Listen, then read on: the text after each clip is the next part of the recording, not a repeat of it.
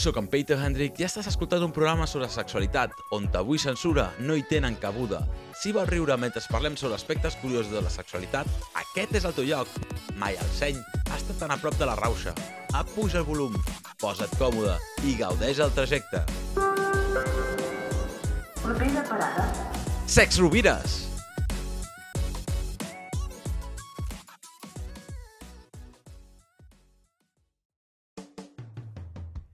Benvinguts i benvingudes al novè capítol de Sex Rovires. Avui parlarem sobre l'educació sexual. Descobrirem curiositats històriques amb la Irene Hernández. Sortirem al carrer per esbrinar què en sap la gent. Despertarem la nostra sexualitat i desmuntarem mites amb l'Elisa Linares. I acabarem el programa amb una secció molt entretinguda de la mà d'en Ramon Medina. Estàs preparada? Doncs comencem. Des que som petits, es van establint relacions afectives al llarg de tota la nostra vida. En un primer moment, es produeixen a l'àmbit familiar. Després, amb companys d'escola, mestres, amics i parelles. I és llavors quan la sexualitat també forma part d'algunes d'aquestes relacions afectives. Però a què ens referim quan parlem d'educació sexual?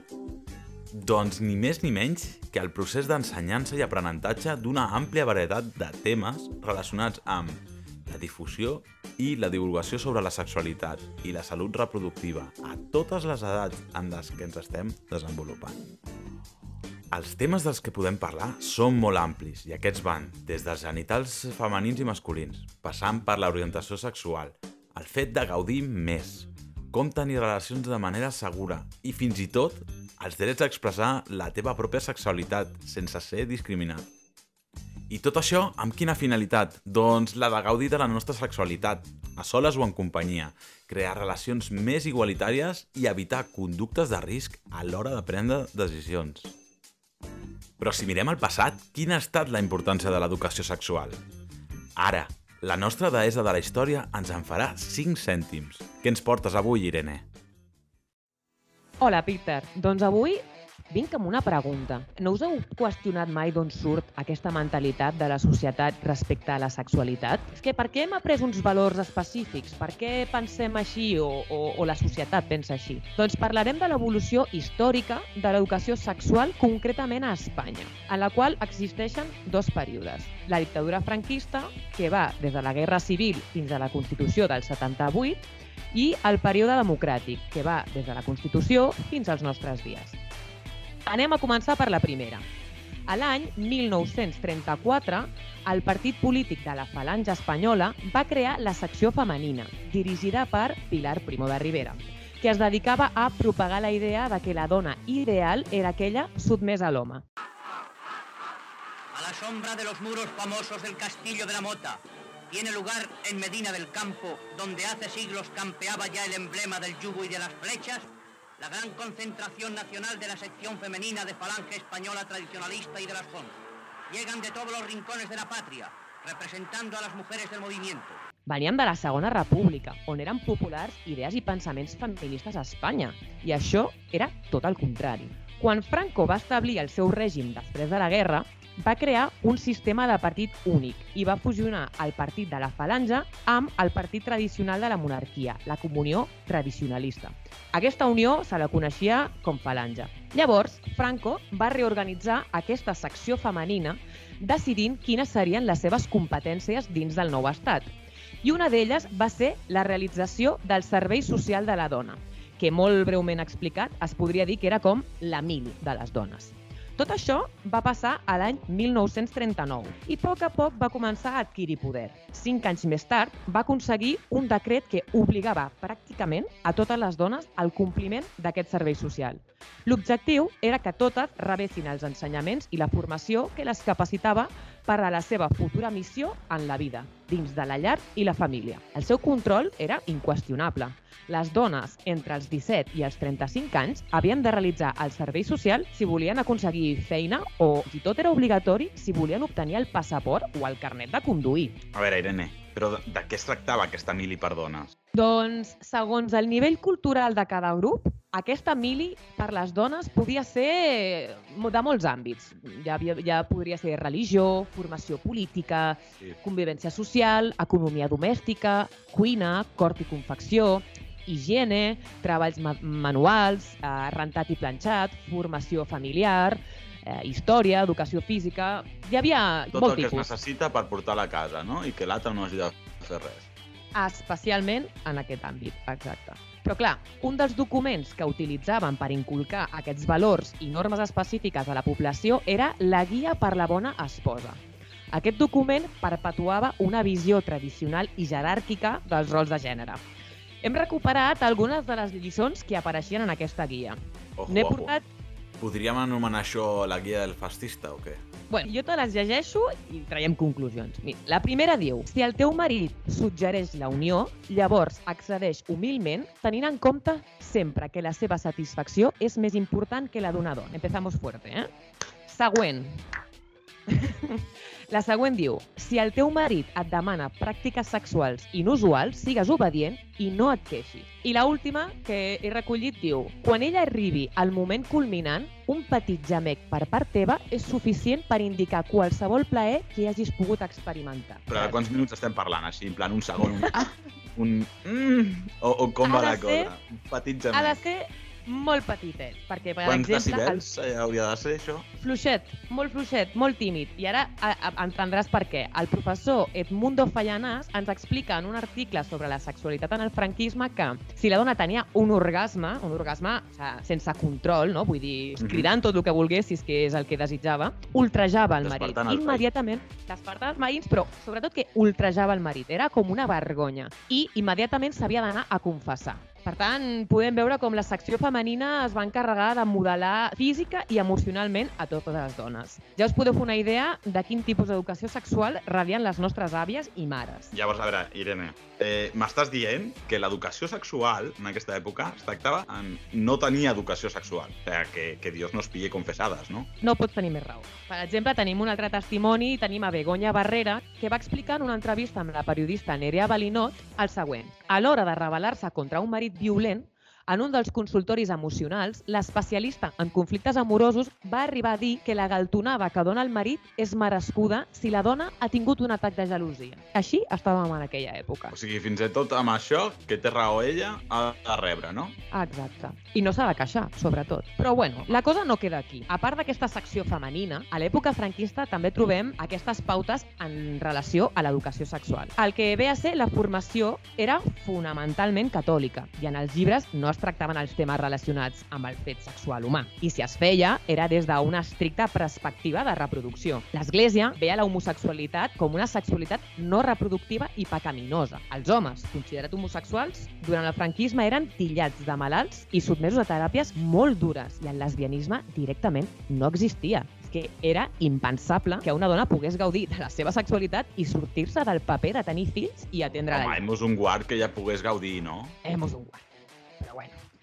Tot el que tenia a veure amb el sexe estava relacionat com una cosa pecaminosa i es fomentava l'abstinència sexual i la virginitat. La dona havia de mantenir-se verge fins al matrimoni i després de casar-se, les relacions sexuals únicament podien ser per reproduir-se. Els homes, també castos fins al matrimoni, però sí que se'ls permetia tenir relacions amb prostitutes. Però això que abans o després del matrimoni? O sigui, anar de putes... Mmm, con la iglesia hemos topado, no? Perquè tot supercatòlic fins que arriba l'hora de- d'anar de, de putes. O sigui, no ho entenc. Aquí estaven secs. Aquí no, no es podia esmentar res. Més enllà, si seguim amb, amb els temes de- d'educació sexual, la masturbació en aquella època es penalitzava a través de la por i la culpabilitat. Edmundo, dins de l'article que esmentàvem anteriorment, aporta el seu testimoni en aquest àmbit i ens explica que ell estudiava en una escola privada a Saragossa, on el professor de l'assignatura de religió començava les classes amb la mateixa frase «Fills meus, no us masturbeu, perquè si ho feu, tindreu fills subnormals».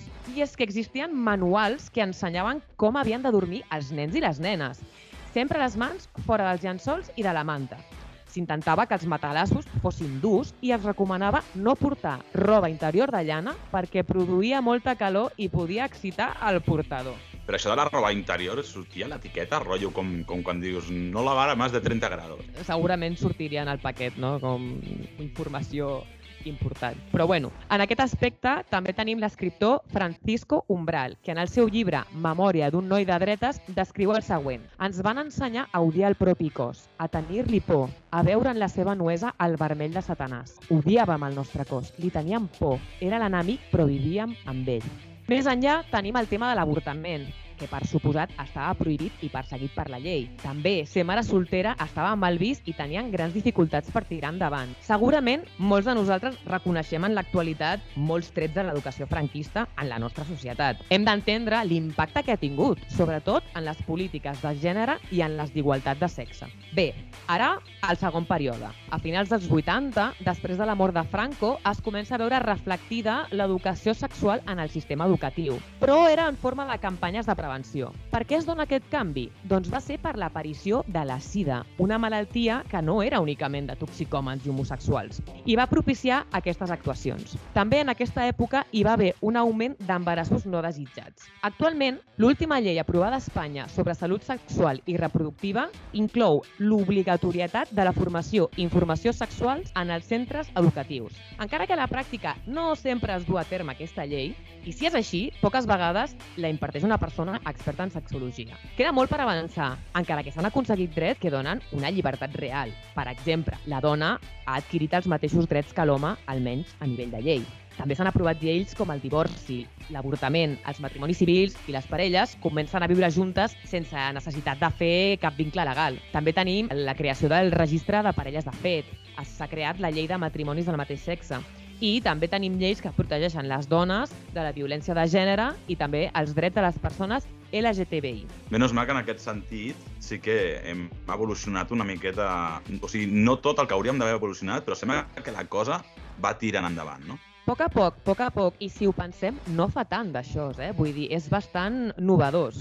No, no fa tant que tenim... Ahir, és que va ser ahir. No fa tant que tenim aquests drets i hem de recordar que van, van ser moltes dones i molts homes els que van, han lluitat per aquests drets que tenim avui en dia. Però bueno, com a conclusió, no hem d'oblidar que l'educació sexual és crucial per al nostre benestar, ja que ens educa en anatomia, prevenció de malalties i mètodes anticonceptius. També fomenta les relacions saludables mitjançant l'abordatge de temes com el consentiment i el respecte mutu, incloent-hi la diversitat sexual i de gènere per a reduir estigmes.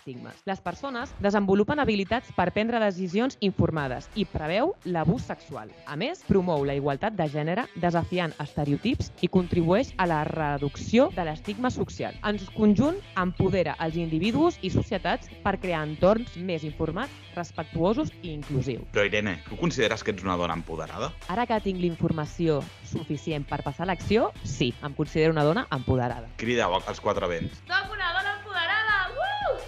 Mare meva! doncs després d'haver parlat sobre el quadernillo rubio, sobre l'educació sexual durant l'època franquista, et sembla si sortim al carrer i esbrinem com d'informada està la gent sobre l'educació sexual? Anem a veure-ho. Què és per tu l'educació sexual? Una espècie de mètode que serveix pels joves per identificar-se una mica amb el que els agrada, el, el que no, i també prevenir en alguns casos, enfermetats de transmissió sexual? Doncs uh, de la meva època la veritat és que no n'hi havia, molt, no hi havia massa. Eh, ara jo crec que està més informat que no nosaltres. L'educació sexual no sé el que donen al col·legi ara, la veritat. Però com ho definiries amb una frase? Que els nanos, sobretot, estiguessin informats d'una manera clara del que n'hi ha realment a la sexualitat. L'educació sexual, imagino que és donar a entendre en tots els aspectes que engloben la sexualitat i la forma d'entendre-la. És el tema de eh, saber sobre eh, la regla, també el, el llit, el que és el llit, el com és ser una persona, parts del cos, òbviament, mm -hmm. el com tocar, el on tocar, el quan tocar, el, tot aquest tema? Para mí la educación sexual es la, la, educación sexual que me he dado yo misma porque en toda mi vida y adolescencia nadie me la ha dado, así que me la he tenido que crear yo sola. ¿Y cómo has fet? Pues informándome eh, con gente que habla sobre ello, en podcasts como el tuyo, en, he leído libros también. A mí es un tema que me interesa.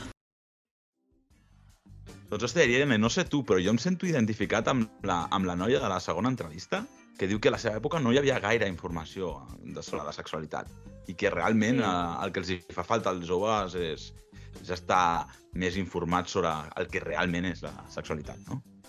Sí, jo també estic d'acord no? amb aquest tarannà que, que, que no hi ha hagut, que no han tingut, que no han estat informats i fins i tot hi havia una que ha, de, ha dit que l'ha fet ella mateixa, la- l'educació sexual. O sigui que és necessària i falta. Aquesta dona s'ha fet un Juan Palomo del que és l'educació sexual i és bastant greu. És bastant greu que, que hagi de recórrer a, a, a recursos propis per poder estar informada. Sí, sí. I amb gent que en parla o podcast, llegint llibres, has vist que no ha mencionat mai ni l'escola, ni la família, ni, ni cap entitat eh, amb poder, no? També s'ha de dir que no li hem pagat res, eh, des de Sexovires, perquè, perquè ens fes aquí un, un product placement, no?, com dius. Ese guiñito, guiñito a Sax Rubires. Creus que has tingut una bona educació sexual? Jo diria que sí, perquè almenys en el meu centre, un cop per any ens venien a fer una xerrada sobre l'educació sexual i si volies et podies marcar el número de la orientadora i podies demanar si podries parlar d'algun tema en específic o si repetia la xerrada d'abans, per, per si no t'havia quedat alguna cosa clara. I llavors doncs estava bé. Posa'ns un exemple d'una cosa que t'hagi anat superbé, aquestes xerrades. Doncs els condons, tipo, la pro... els mètodes de protecció sexual. Perfecte, te'ls saps posar ja? Sí. Amb ajuda o sense? Sense. No, perquè els meus pares era un tema super tabú. A més a més, a dia d'avui encara ho segueix sent. No, no, no. Per què? Perquè no es parlava. No es parla, és tabú. I quina ha sigut la conseqüència d'això? Desconeixement, nerviosisme, errors. Vas aprenent en pràctica al final, si no tens cap educació, amb experiències. I com has après tu? Sol? O sigui, la, que, la universitat de la, de la calle o què? Claro, mano. No, no. què va, què va. Eh, um, persones, eh, vas compartint, vas en, veient experiències d'altra penya, què agrada, què no agrada, què es pot fer, què no es pot fer. Tu també tens el teu codi moral, també tens... Però clar, què fas? Què saps fer? No saps fer res, no saps el que significa sexualitat. O sigui, preguntes i no sé, educació sexu- sexual, i em costa pensar el que, el que significa, no? Clar, tu entre els amics i, mirar vídeos porno i llavors anaves tirant o què? Vídeos porno no ho considero com a educació. No? No, jo parlo d'experiències més bé. El comparteixen amb qualsevol persona, aquesta persona et diu això, l'altre, amb col·legues, escolta, m'ha passat això, entre jajas, però també acaba espiant coses. Em van instruir a l'escola. Eh, va vindre una persona em va, que ens va parlar, eh, ens va ensenyar sobre condons, ens va ensenyar sobre aquest tema. Eh, jo ho agraeixo, però allí es va quedar la cosa. Per tant, jo trobo que he adquirit bastant coneixement a nivell personal més que a nivell professional. Nula, nula. Sí, jo me'n recordo que a l'Insti ens van fer una classe només i eren tres coses, que era com posar un condó i preguntes. I clar, ningú sabia què, què dir, saps? O sigui, què et pregunto si no sé res sobre sexualitat? Ostres, m'ha recordat uh, quan anava al col·le, no sé si va ser a quart de l'ESO, sí que vam rebre una classe d'anticonceptius. Era sempre amb una mica de... La tonalitat era de no quedar-se embarassats, no? No, no, no teniu sexe, si, si teniu sexe us podeu quedar embarassats i us pot destrossar la vida i heu de fer servir anticonceptius, però millor per prevenir, millor no fer-ho, no? Una mica com aquesta actitud, una mica del terror. Bueno, en el meu cas era més, més de jajas, no? Era com, si, com aquell que fa una tutoria i, i per passar l'estona. I com que era, era un tema per nosaltres bastant tabú, i per molta gent segueix sent molt tabú, però sí que em sento molt identificat amb el que et pregunto si no sé res sobre sexualitat. Eh, la meva primera experiència en posar-me un preservatiu, la veritat és que no va acabar gaire bé. Eh, va acabar Ai, ai, ai. condó dins d'ella. Ja, o sigui, vam haver de fer aquí eh, Buscando a Wally en versió condón, saps? Va ser un No sé. pànic atac fort. Sí, trobo, trobo que, que la meva educació sexual de jove va, va ser molt precària, però molt. Bueno, ja trobem aquest, aquest noi que ens deia que venia a una tutoria com la teva, però venia un cop a l'any. o sigui, apreneu tot un cop a l'any i, i, sí. i ja ho sabràs tot. O, bueno, menys mal que hem trobat un noi que diu que el porno no és, no és educació sexual. Té Bravo. tota la raó. No hem de dir... O sigui, sisplau, por favor, no ens hem de basar en el que veiem a internet. Que alguien le pongan estatua a este hombre. Quines creus que són les conseqüències de la manca d'educació sexual en general i com pot afectar els joves? Doncs, en principi, els efectes serien tenir una major quantitat de persones infectades per alguna enfermetat de transmissió sexual tipus sida i tot això. També una població en general més gran, tipus sobrepoblació o això. Per... O sigui, refereixes a que la manca d'anticonceptius provocaria que tinguéssim més població. Sí. Bueno, depèn també de, del teu entorn social i de si després, encara que no sigui a casa, tens una bona educació sexual fora de, la, de, de que és el teu entorn familiar, no? O sigui que també depèn molt de la gent en- a la que estiguis o amb l'educació que et doni a l'escola. I com creus que això pot afectar els joves? Doncs en alguns casos és possible que et formin de, amb vídeos i això sí que fo, pot donar que creguin que la sexualitat és això, el porno. Nerviosismes a l'hora de parlar-ho, desconeixement, rebutjament de, moltes, de molts aspectes. Des de tindre problemes a nivell d'embarassos i coses així, fins a males experiències, eh, moments incòmodes, etc. Pues que la, la gent s'equivoqui, faci coses que, que no faries però com no ho saps o... Posa'ns un exemple que si no ho sapiguessis, allegaries parda. Si la haces con la regla te puedes quedar embarazada, sí o no. Eso yo cuando tenía 13 años, tío, yo pensaba que no. O sea, y podría haberlo hecho, sí que hay menos posibilidad, pero, o sea, me puedo quedar embarazada y, y nadie me está diciendo que, que es mentira ni nada. Hòstia, Irene, jo m'he quedat pilladíssim això de, de que hi ha gent que, que encara pot creure això de que si tens la regla no, no, no et pots quedar embarass, embarassada. Tu, a la teva infància, tenies alguna parleta d'aquesta, també? Home, doncs... Mira, relacionat amb això, jo, per exemple, jo no sabia que l'esperma sobreviu quatre dies, fins quatre dies viu dins del cos després de que l'home tingui la- l'ejaculació, no? I, I per això no, hi ha aquest risc de poder-te quedar embarassada encara que o estiguis a punt de tenir la regla o que hagi passat una mica la regla. Però jo el que sentia molt de petita eren bulos de mm, coses que provocaven l'avortament. Per exemple, menjar mostassa eh, podia provocar-te l'avortament o com Però quina, la Dijon? La Dijon que és més forta o què? La de semilla. Matava la semilla con otra semilla. Bueno, el resum és, és, és molt, molt fàcil, realment. Eh, jo crec que això de... O sigui, has de triar bé el teu entorn social, Sí. perquè això dictamina si tens eh, gent que et pot ajudar o no a nivell de, de tindre una educació sexual més bona. O sigui, l'entorn familiar no el pots triar, però bueno, que tot i així també intentar canviar-lo també, perquè, per exemple, en la meva situació, jo sí que tinc una mare molt oberta, però tinc un pare que és més tancat, amb aquests temes no es pot parlar. I tant de bo hi hagués pogut parlar. Llavors no, Clar. no m'hagués passat mil coses, hauria après més ràpid a, a posar-me un preservatiu correctament. Clar, ja hem vist no? com afecta els joves. Eh, doncs eh, fa sentir por, fa sentir que és un tabú, fa sentir que no pots parlar ni preguntar i això dona peu a cometre errors, a no parlar, a, doncs, com tu mateix dius, a no saber posar un preservatiu. I mira, hem arribat... O sigui, no, és una cosa molt important.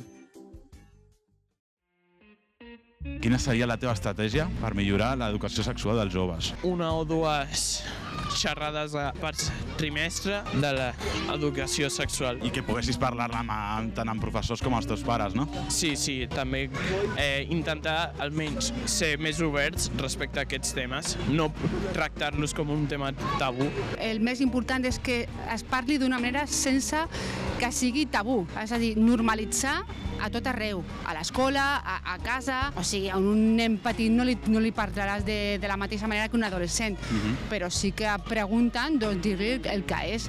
No, doncs la mama li ficarà una semilleta? No, això no, no d'una manera, jo crec que més realista, no? Home, menys classes de botànica, no? I més classes de realitat. Doncs sí, la veritat és que sí. Parlant amb els joves, posar, jo què sé, típica tutoria, que et pot veure una pel·lícula que t'has vist 30 vegades, es pot parlar. Sobretot a casa també, amb les generacions i tal, és molt tabú. Cada cop és menys, cada cop es parla més. Hi ha penya amb micros fent podcast també ajuda, perquè tu preguntes en aquell moment, potser després t'informes, però sobretot això, parlar-ho a l'escola i intentar que els pares també. Jo crec que ja a nivell professional s'hauria d'instaurar a les escoles, eh, des de, no des de molt petits, però quan es comenci a parlar de cos humà i etc, instaurar una classe que sigui educació sexual i que es parli del tema i també, eh, ja et dic, a nivell personal, investigar una mica més, ficar-se a la pell de l'altra persona. A partir de quants anys faries aquesta classe? Jo crec que a partir dels 16 anys seria un bon començament. I de què parlaries? Diversitat sexual i de gènere, per exemple? Mm, M'enfocaria més a lo que els crios no saben, eh, que és el que passa a l'habitació, eh, com ha de passar i quin és el procediment o les cosetes que s'han de saber tocar o, vull dir, coneixement bàsic, sí. Bueno, que diu l'habitació, diu el cotxe, diu el pàrquing... Diu... Exacte, no s'hauria de fer allí, però sí. Una classe, eh, però de cada curs, diguem, o sigui, com una classe com català-castellà, seria sexualitat, perquè és molt important. I quan la començaries? A partir de l'ESO o què? Sí, a partir de l'ESO, que és quan la gent comença a desenvolupar aquesta sexualitat. Què faries en aquesta assignatura? El que estàs fent tu, parlar de diferents temes cada dia i no estar preguntant coses a nens que no saben res. O sigui, tu exposar-ho i després a partir d'aquesta explicació pues, que et preguntin o fer preguntes tu com a professor i respondre-les tu. I què faries si algú suspèn? La recuperació com la faries? Posar un podcast y que te lo tienes que hacer un resumen. És curiós, eh? perquè existeix actualment una llei que diu que s'ha de donar educació sexual a les escoles, però és que encara genera tanta polèmica que no ho hem aconseguit. I fins a tot, sortint a peu de carrer, estem veient que els joves ho demanen, és que ho veuen necessari, però no hi ha manera, Peter, no hi ha manera. Hi ha lluites per la llengua, hi ha lluites per, per democratitzar la situació de les dones, però qui, qui ens ajuda a nivell sexual? Qui protegeix Més? aquesta gent? Qui, qui fa que realment tinguin els conceptes bàsics per després no, no ser tímids, no, no veure's eh, indefensos en una situació on el sexe està, està present? I, I una de les controvèrsies més, més grans que tenim avui en dia és sobretot això que també els hi preguntàvem als entrevistats. A quina edat s'hauria de començar a posar? Perquè si són molt petits, perquè són molt petits. Quan són molt grans és perquè són molt grans. Potser a partir dels 16 anys, jo crec que avui en dia la gent de 16 anys potser ja sap més que jo. Això està clar. Jo crec que a partir dels I 13 tant. ja la cosa ja rutlla. Exacte. La ESO És és una res. bona època. Tu com ho faries? Perquè jo crec que, que hauria de ser gradual, no? O sigui, vas a la classe dels pingüins i no parlaràs sobre porno. Hòstia, fins aquí, Clar, evidentment, evidentment. però hòstia, Jo crec, fer-ho gradual, no? gradual i sobretot començar a naturalitzar el fet de parlar de sexe, no? De que el fet de dir la paraula penis o vagina, que, que la gent no, no es posi les mans al cap, vull dir, deixem de tornar-nos bojos quan sentim aquestes paraules, no? O sigui, són normals, o sigui, hem de tenir un vocabulari per parlar d'això i s'ha d'acceptar, no, no, no estem dient res dolent. Però bueno, aviam si arriba algun curs així, a poc a poc, paulatinament, i que vagi, es vagi adaptant una mica i, i, i, i arriba. Si no, a recuperar amb un podcast, com estem fent nosaltres, Sí, que estem recuperant. hi ha gent, hi ha gent amb micros, hi ha, hi ha gent amb micros fent podcast i també ajuda. La veritat és que m'ha guanyat aquest home. Ha fet aquí un altre guinyo. Sembla que mica no en mica es va veient la feina que fem, Irene. Menys mal. Repetim que no està, pa, no està patrocinat, això. En cap moment. Podries donar un consell a algú que estigui super perdut a nivell sexual? Demana ajuda a, a la persona més propera que tinguis, o si no, doncs demana també al, al cap d'estudis o a qui sigui una xerrada d'aquest- d'aquests temes. Jo crec que el que prima a l'educació sexual és la pràctica, no? Com a tot. O sigui, que, que no tinguin tabús, que estiguin oberts a tot, perquè realment és... Jo el- ho dic per la meva experiència, també, eh? O sigui, en aquesta vida tenim que tenir la, la ment molt, molt, molt oberta a, en tot. I sobretot que practiqui, no? Sí, la pràctica és el més important. A tot arreu. Parla-ho, en general amb tothom, amb els col·legues, amb la família, con un tio que no conozcan no, però con la família i los col·legues sí. Amb la iaia també? Sí, per què no? Tenen truquitos. En internet hi ha de tot. Eh, no fa falta, vull dir, la pornografia està molt tematitzada, és molt pel·liculeo. Jo trobo que és més, ei, pues què significa aquesta postura o què és això? Pues vas a internet, tu busques i hi ha milers de pàgines que t'ho expliquen i com fer-ho bé i què fer-ho. Però parlar, per exemple, amb els teus professors, els teus pares o amb algú que, que, que ja hagi tingut experiències, no estaria bé això? Sí, sí, sí, molt bé, genial. Ja, ja dic, jo ho he fet també, això. És una cosa que eh, millor, la veritat, si és algú que ha tingut experiències, perquè amb els pares s'hauria de fer, però et dona una mica de detall, entenc que no es vulgui fer, i amb els professors igual, però sí, parlar amb gent que, que en sàpigui és un començament bo també. Envia-li un missatge a aquest jove que, que no en té ni idea, va, directament amb ell. Li estàs parlant a cau d'orella amb ella o amb ella? Sigues obert a explorar. Disfruta de la vida i no et tallis, que només és una. pues que s'informi. Sí, que, i que pregunti, però és que la gent té molt tabú, llavors a la gent li dona vergonya i tot, però hi ha molt, moltes pàgines, hi ha influencers que parlen... Tampoc t'has de fiar de tothom, però hi ha informació vàlida per allà que, que has de buscar bé. I a mare sempre està la iaia. Claro, jo he parlat amb la meva iaia. Què t'ha dit? Es riu, li fa gràcia. Hauries de passar una guerra, no? claro. Bueno, Irene, tu demanes ajuda a la persona més propera que tens? Sí. Jo, per exemple, li demanava... Bueno, demanava ajuda. Li preguntava a la meva germana, perquè era la persona més propera. No sé què hagués fet petita, si... no, llavors? Sí, jo sóc la, la petita. Llavors jo li preguntava a la gran. És una, un avantatge que tens. Jo també tinc una germana més gran i alguna coseta sí que li he preguntat. Però amb qui més parlava era, era amb ma mare. Quina sort! Jo no vaig parlar mai amb la meva mare. Bueno, no he parlat mai amb la meva mare. Bé, jo crec que era una sort també en la nostra època que no hi hagués tant d'accés a internet, perquè ara mateix ja, ja ho hem sentit, hi ha pàgines, hi ha influencers, hi ha mil coses. Internet és supergran, però hem de saber com utilitzar-lo. Està ple també de pornografia, està ple de fake news. O sigui,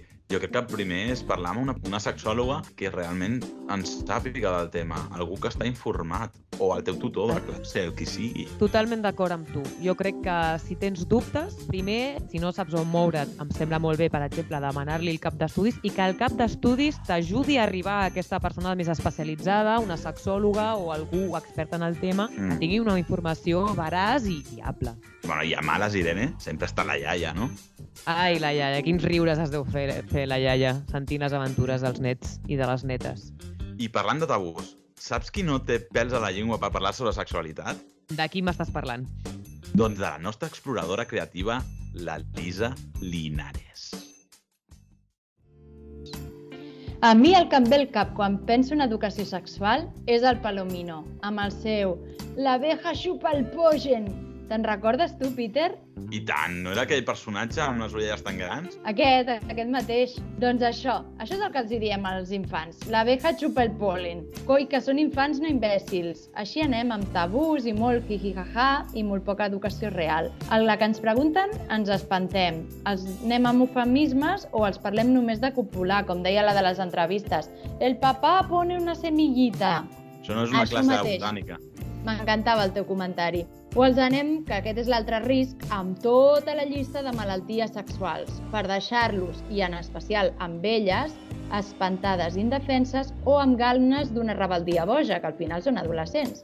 No fos cas que experimenten amb una mica de cap i peus. Perdona, però és que aquest tema m'encén molt. Ja veig, ja veig. Mira, l'objectiu de l'educació sexual per mi hauria de ser ensenyar a gaudir de la nostra sexualitat a soles o en companyia al llarg de tota la vida. Hauria de ser transversal i adaptada a totes les edats, des dels infants de 3 anys, quan comencin a explorar el cos, el seu i el de l'altre, a l'escola, fins a la gent gran quan es troba en la seva bellesa. Per aprendre a veure vi sempre haurem de passar pel calimotxo? Vols dir? O sigui, és llei de vida o podríem evitar una mica? O on hi hagi un bon calimotxo, jo crec que tots són èpoques, no? Tots hem passat per l'època del calimotxo i després vas mica en mica vas fent, vas fent boca, no? Exacte. O sigui, és obvi que la cagarem i la seguirem... O sigui, és el que deien també altra gent a les entrevistes, no? Hem de practicar i experimentar i des de l'experimentació és des d'on s'aprèn. No menyspreem el calimotxo. jo, on hi hagi un bon cirà... Però bé, no ens desviem. I per això la secció d'avui de tips m'he posat en la mentalitat dels pares i les mares, o les educadores, i te l'he dividit en dos blocs. Què faria jo si tingués un fill? Digue'm, Bon. digue'm. Mira, de petit, a la que es toqui el penis, convidar-lo a explorar-lo amb naturalitat. Això sí, a casa, que si no la gent s'escandalitza. I recordar-li que el seu cos... mig del carrer eh, no crec que, que quasi vagi gaire bé, no? Bueno, però és el que passa en realitat. Hi ha, un, hi ha una diferència en la manera en què tractem les nenes que els nens. Els nens els deixem que es toquin i els hi riem les gràcies. Mira, s'està tocant la pironga! En canvi, les nenes és un drama, saps? Vull dir, que guarra que és, no sé què. Vull Clar, dir, podem provocar traumes amb aquestes coses. Home, i tant que en creem. I res, quan és petit, l'altra cosa que és molt important, tant nens com nenes, és recordar-li que el seu cos és seu i que ningú el pot tocar sense el seu permís. Quan és una mica més gran, preadolescent o així, quan es toqui, explicar-li que hi ha diferents maneres de tocar el penis, com ho fa tothom, ràpid i amb força per alliberar-se i anar a dormir, o lent i dolcet, fent-se carícies, explorant-lo quan està tovet, fent girs, deixant que trempi, respirant perquè torni a baixar... Això, per mi, és educar. Educar perquè quan estigui al llit amb algú no vagi sempre a sac a córrer. Doncs sí, sí. La veritat és que és una, una lliçó que no tots hem pogut tenir i que hauríem de tenir. Gràcies, Peter. I després, si li agraden les dones, dir-li què necessiten les dones de carn i ossos i ensenyar-li a fer un bon xup-xup com despertar les aigües, com tocar per fora, per dins, com deixar que les mans facin un bon massatge intuïtiu, sense ment, un bon cunilingus... I si li agraden els homes, doncs el mateix. Com a pares i mares ens haurem de documentar, si no en tenim ni idea. I bé, sí, els parlaria de les proteccions, clar, però no basaria només l'educació sexual en parlar d'això. I també, si cal, doncs veure junts un trosset d'una pel·li porno, una pel·li doncs, més convencional, diguem-ne, i una de les més sensibles, i buscar les set Mhm. diferències. Un dia, Peter, mira, m'acabo d'inventar un taller.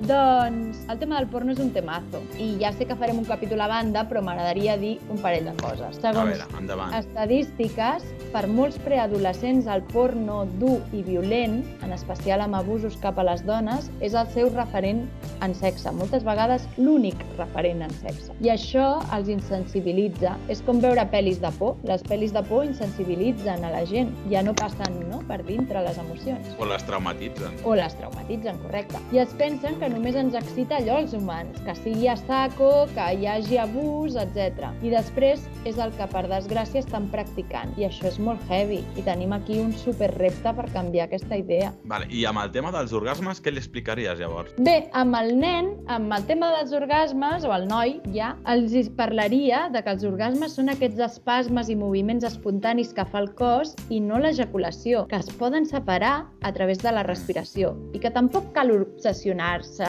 i evitar-lo sempre, evitar sempre ejacular, com diuen algunes creences així taoistes i tal. No, es tracta d'escoltar el cos i veure què demana en cada moment. I després, si fos la mare o el pare, els hi diria i si us ve de gust tenir relacions sexuals, si us plau, digue-m'ho i veniu a casa. Sento que això també és important. I en fi, això pels nois. I pel que fa a les noies, què ens portes llavors? De petita, si la veig tocar-se o fregar-se amb el coixí, li diria oi que és gustós? Doncs respira-ho, dona't temps i encara serà més gustós. I de nou, el que deia abans, a casa i el seu cos és seu. Una mica més gran, li diria que explorés la vagina per dins, a veure si hi troba altres perles i plaers. Que no es quedi només tocant el clítoris externament, que això ho pot fer per alliberar tensions o incomoditats o per dormir, que és un recurs més que té, però li explicaria una mica com és la nostra anatomia i li mostraria com és un clítoris per dins i la importància de despertar tot el cos al plaer amb temps. Quan comenci a tenir relacions amb algú,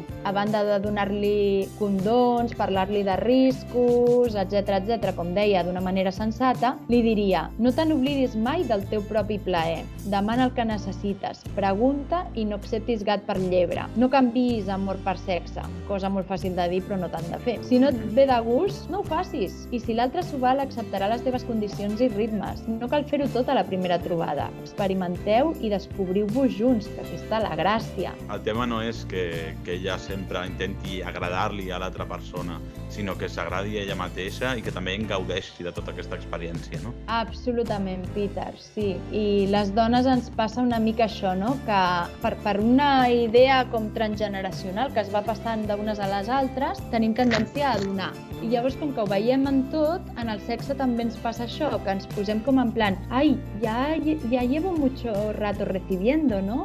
mejor que, que canviemos. I això ens fa que moltes vegades no estiguem rebent el nostre propi plaer. I això ens passa, ens passa moltíssim. A mi m'ha passat molt, per exemple, amb el, amb el cunilingus, sento que ens passa moltes, no? És aquesta sensació de, ai, pobret, porta molt de temps aquí baix, no sé què, i a més a més ens venen totes les pors aquestes de i fa pudor i no sé què, i segur que no li està agradant i ho està fent per mi, no sé què, ta, ta, ta. I llavors les tirem molt fines, perquè som així, les tirem en plan, ens Mhm. comencem a fer petons i ja l'hem despistat, però en realitat no hem arribat a gaudir d'aquell cuni- cunilingus. Entens què vull dir? I tant. Em sembla que Però això és molt important. La meva pregunta és, i si no vol parlar, què? Perquè, com ja has escoltat a les entrevistes, hi ha gent que no vol parlar, però perquè no sap què preguntar sobre el tema. Sí, això m'ha semblat superpotent que es digués. Sento que es, es moren de ganes de saber del tema. Jo és el que he vist a les escoles, però no saben com començar. Llavors aquí també és com mà esquerra. És estratègia que, no sé, és empatia també cap a ells, posar-te en la seva edat i parlar d'una manera no tan tècnica, saps? O sigui, sento que això és l'important. I després l'altre tema és que a vegades, si ets el pare o la mare, no voldran parlar amb tu. I això també ho has de tenir assumit. És que és normal. I forçar-ho sento que podria generar molt de rebuig. Llavors... Llavors, perquè sobretot els pares i les mares són aquesta figura d'autoritat que sempre imposa.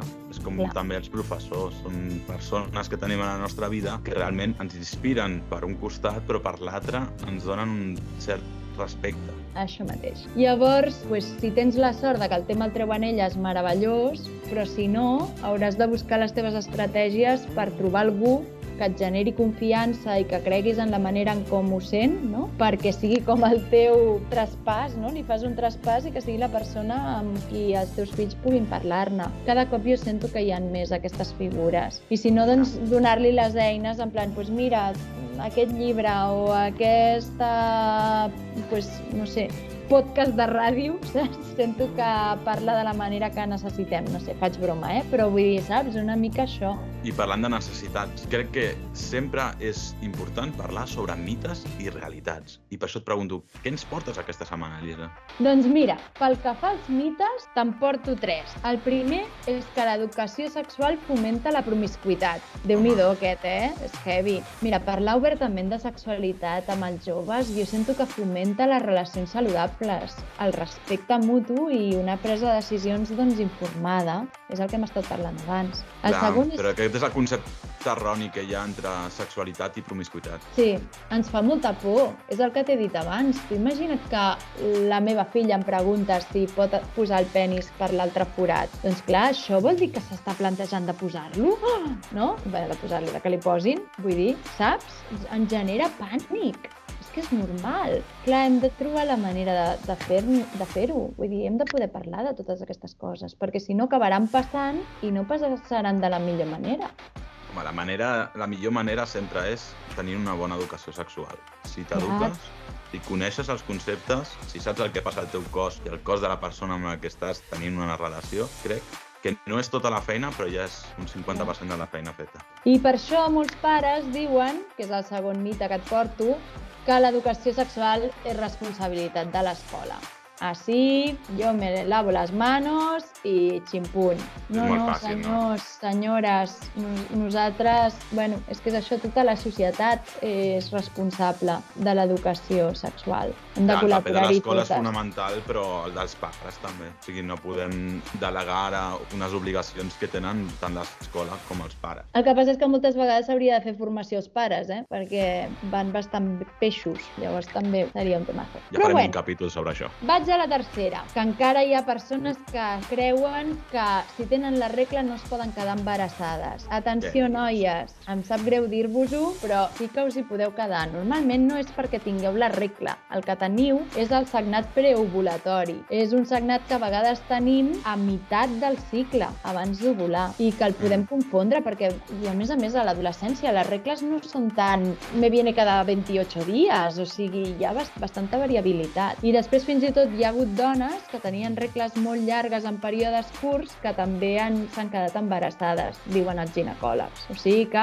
jo de vosaltres, precaució sempre i també es pot jugar amb la regla, eh? que això també és un altre temazo, però sí que es pot jugar amb la regla. Va, vinga, vaig a la realitat. L'educació sexual redueix les taxes d'embarassos no desitjats i malalties de transmissió sexual. És que si els expliquem tot això amb consciència, ens estem empoderant. Clar, és el que estàvem dient abans, no? Aquest empoderament ha de ser per part de l'escola, ha de ser per part dels pares, fins i tot de l'entorn que tinguis familiar. Totalment. I buscar aquesta manera de transmetre-ho sense generar una por que faci Mhm. que no fotem res, perquè no? hem de poder gaudir de, del nostre cos. Vinga, va, que em repeteixo. L'educació sexual millora la comunicació interpersonal. Doncs sí, al final és un moment d'intimitat molt especial. Si parlem obertament d'això, és que millorem l'empatia cap a l'altre, la manera de comprendre'ns, és que les relacions seran més fortes i més saludables. Jo hi I crec tant. molt, ja ho veus. Home, així veiem també les típiques relacions tòxiques, no? Per desconeixement,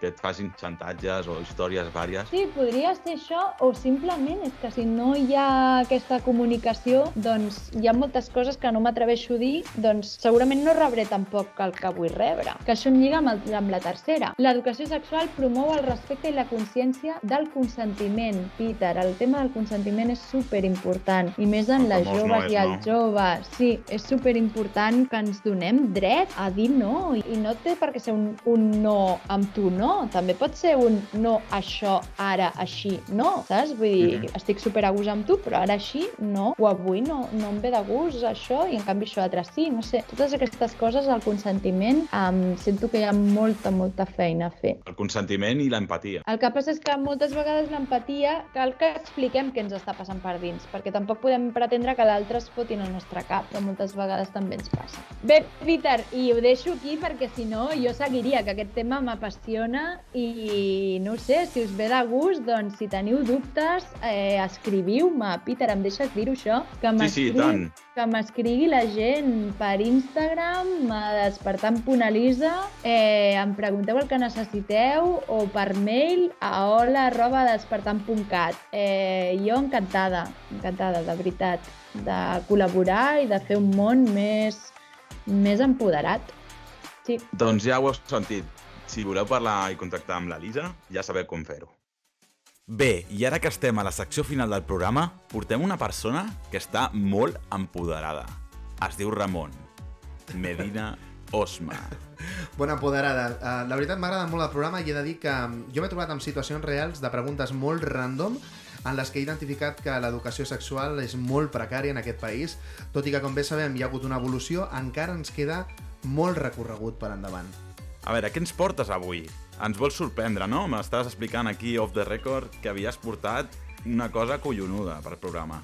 Bueno, m'agradaria parlar de temes concrets que despertin la necessitat de poder parlar d'aquests temes. Com bé ha dit la Lisa, és important que els pares puguin rebre una petita formació de com parlar aquests temes perquè nunca és fàcil, no? En aquell moment en el que dius, hijo mío, vamos a hablar de sexo, no? I desmitifiques eh, la, la semillita i la cigüenya i comences a parlar d'aquestes coses, sempre és una cosa bastant incòmoda, no? En el meu cas em van regalar una espècie de còmic de Titef, que era un, uns dibuixos d'un nen que també estava bastant catxondo, um, i crec que mai és, mai és còmode, no? Llavors els pares n'han de saber.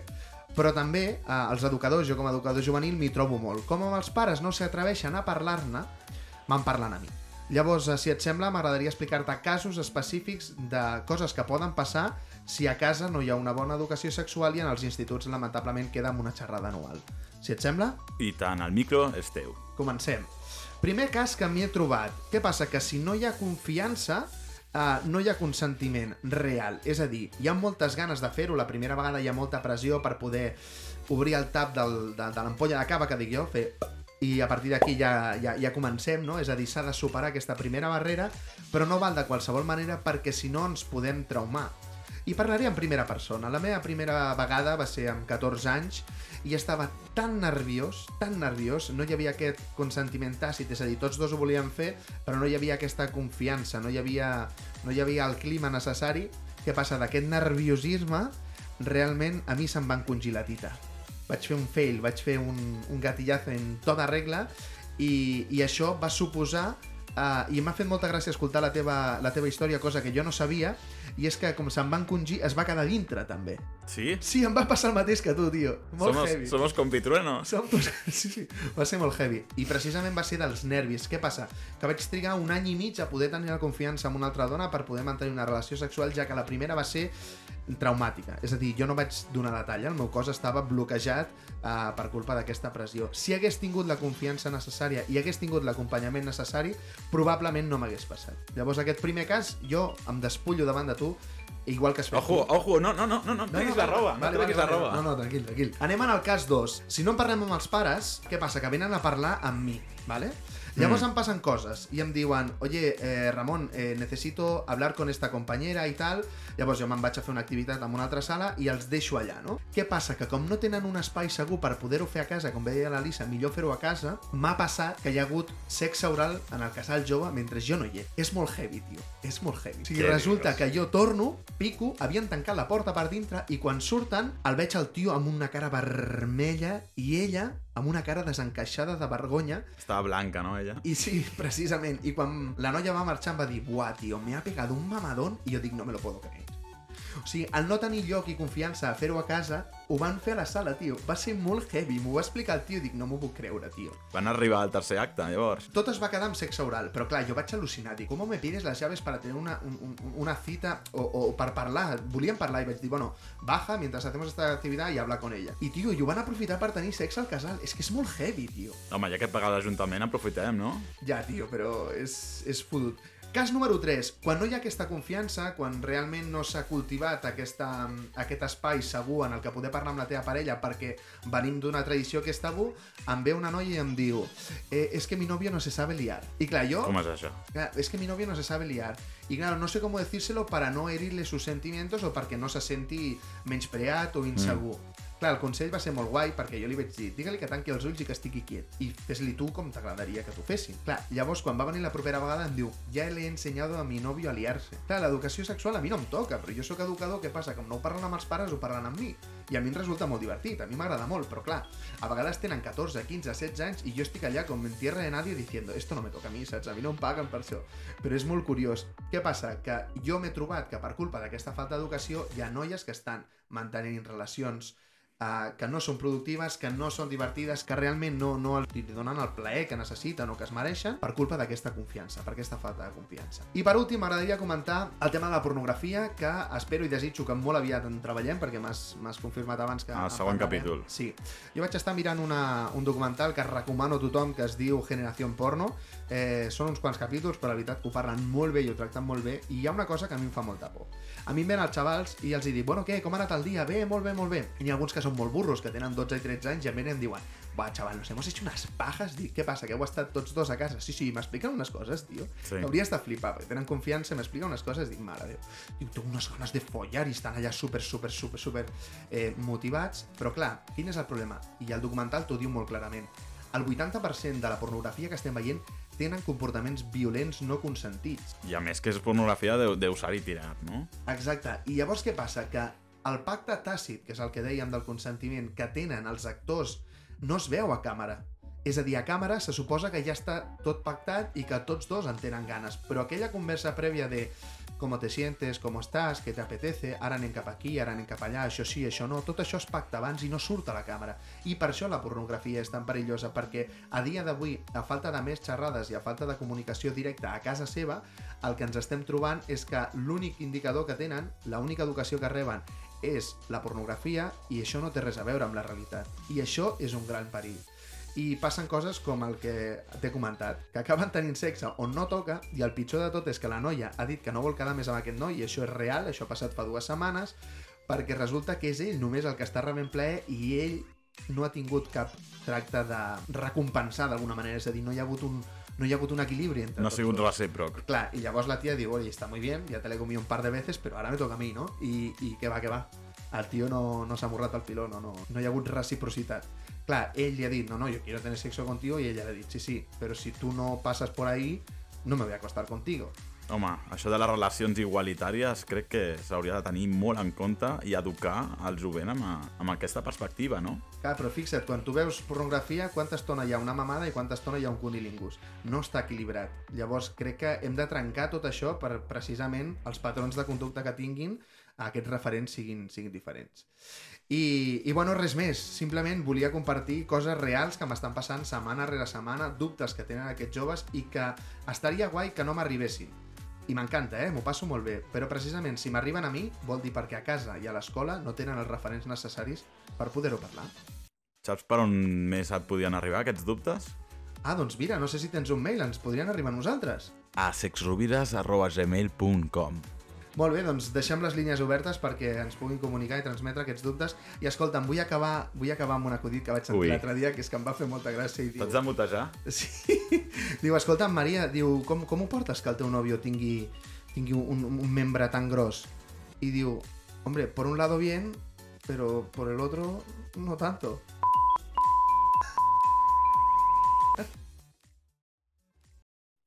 Doncs això està tot per avui. Tornarem aviat amb més temes com ara el porno o com mantenir la flama encesa durant una relació. No t'oblidis de seguir-nos a les xarxes al nostre compte d'Instagram sexrovires.cat, a Spotify o YouTube, on ens pots trobar teclejant simplement sexrovires i si vols que parlem d'algun tema en concret, no dubtis en enviar-nos un mail a gmail.com I recorda, ara ja ets un sexrovirenc més. Fes que el món ho sàpiga.